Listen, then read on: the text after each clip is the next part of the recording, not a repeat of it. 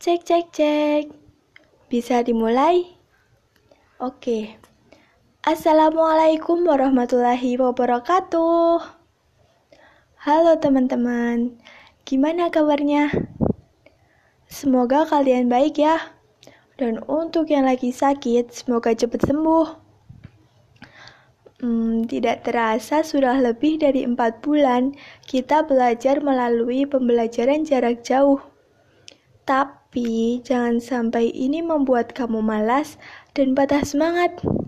Karena masih ada cita-cita yang harus kalian kejar dan banyak keinginan yang mungkin belum terwujud sekarang dan akan terwujud di masa depan.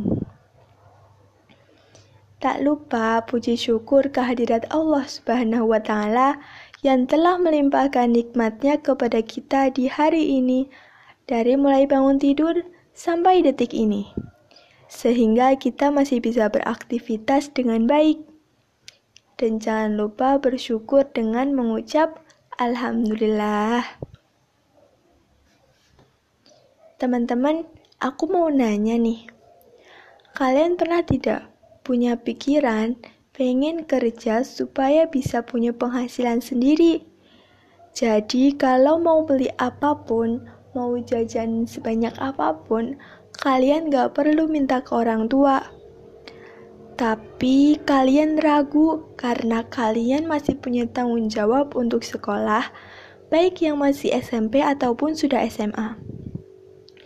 Atau mungkin sebagian dari kalian sudah ada yang mau lulus SMA, dan pengen banget melanjutkan kuliah, tapi ada kendala ekonomi. Jangan sampai cita-cita kalian terputus karena kendala ekonomi. Aku tahu semua pasti pengen bisa sekolah tinggi dan membanggakan orang tua.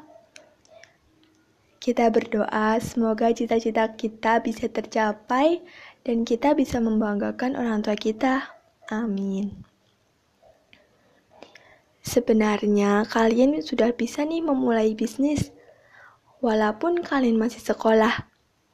Asalkan ada niat dan mau usaha dengan keras, aku yakin kalian bisa. Karena bisnis tidak memandang usia, dan bisnis itu luas banget jangkauannya.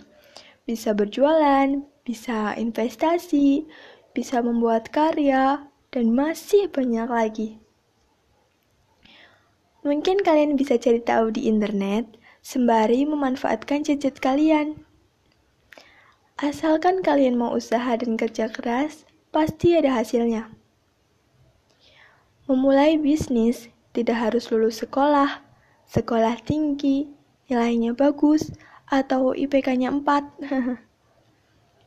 Karena itu tidak dipertanyakan. Bahkan, Memulai bisnis juga tidak membutuhkan ijazah SD, SMP, atau SMA. Karena yang diperlukan adalah niat, kemauan, dan usaha. Jadi siapa pun orangnya, apa pun pekerjaannya, di mana pun sekolahnya bisa melakukan bisnis. Terus, gimana sih cara memulai bisnis? Pertama, harus ada niat, kemudian ada kemauan, dan kalian sudah bisa memulainya. Contoh bisnis yang cocok nih buat para pelajar misalnya, jualan paket data, les privat, apalagi di situasi pembelajaran jarak jauh seperti ini, mungkin kalian bisa membuka les privat untuk adik kelas atau tetangga-tetangga kalian. Bisa juga nih jualan online shop dengan memanfaatkan media sosial. Daripada kalian buka media sosial untuk scroll mantan atau pacar mantan, mending buat jualan dan menghasilkan uang.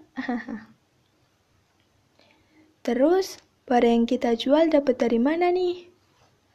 Jadi kita bisa cari toko di media sosial sesuai apa yang kamu cari dan yang mau merekrut dropshipper atau supplier.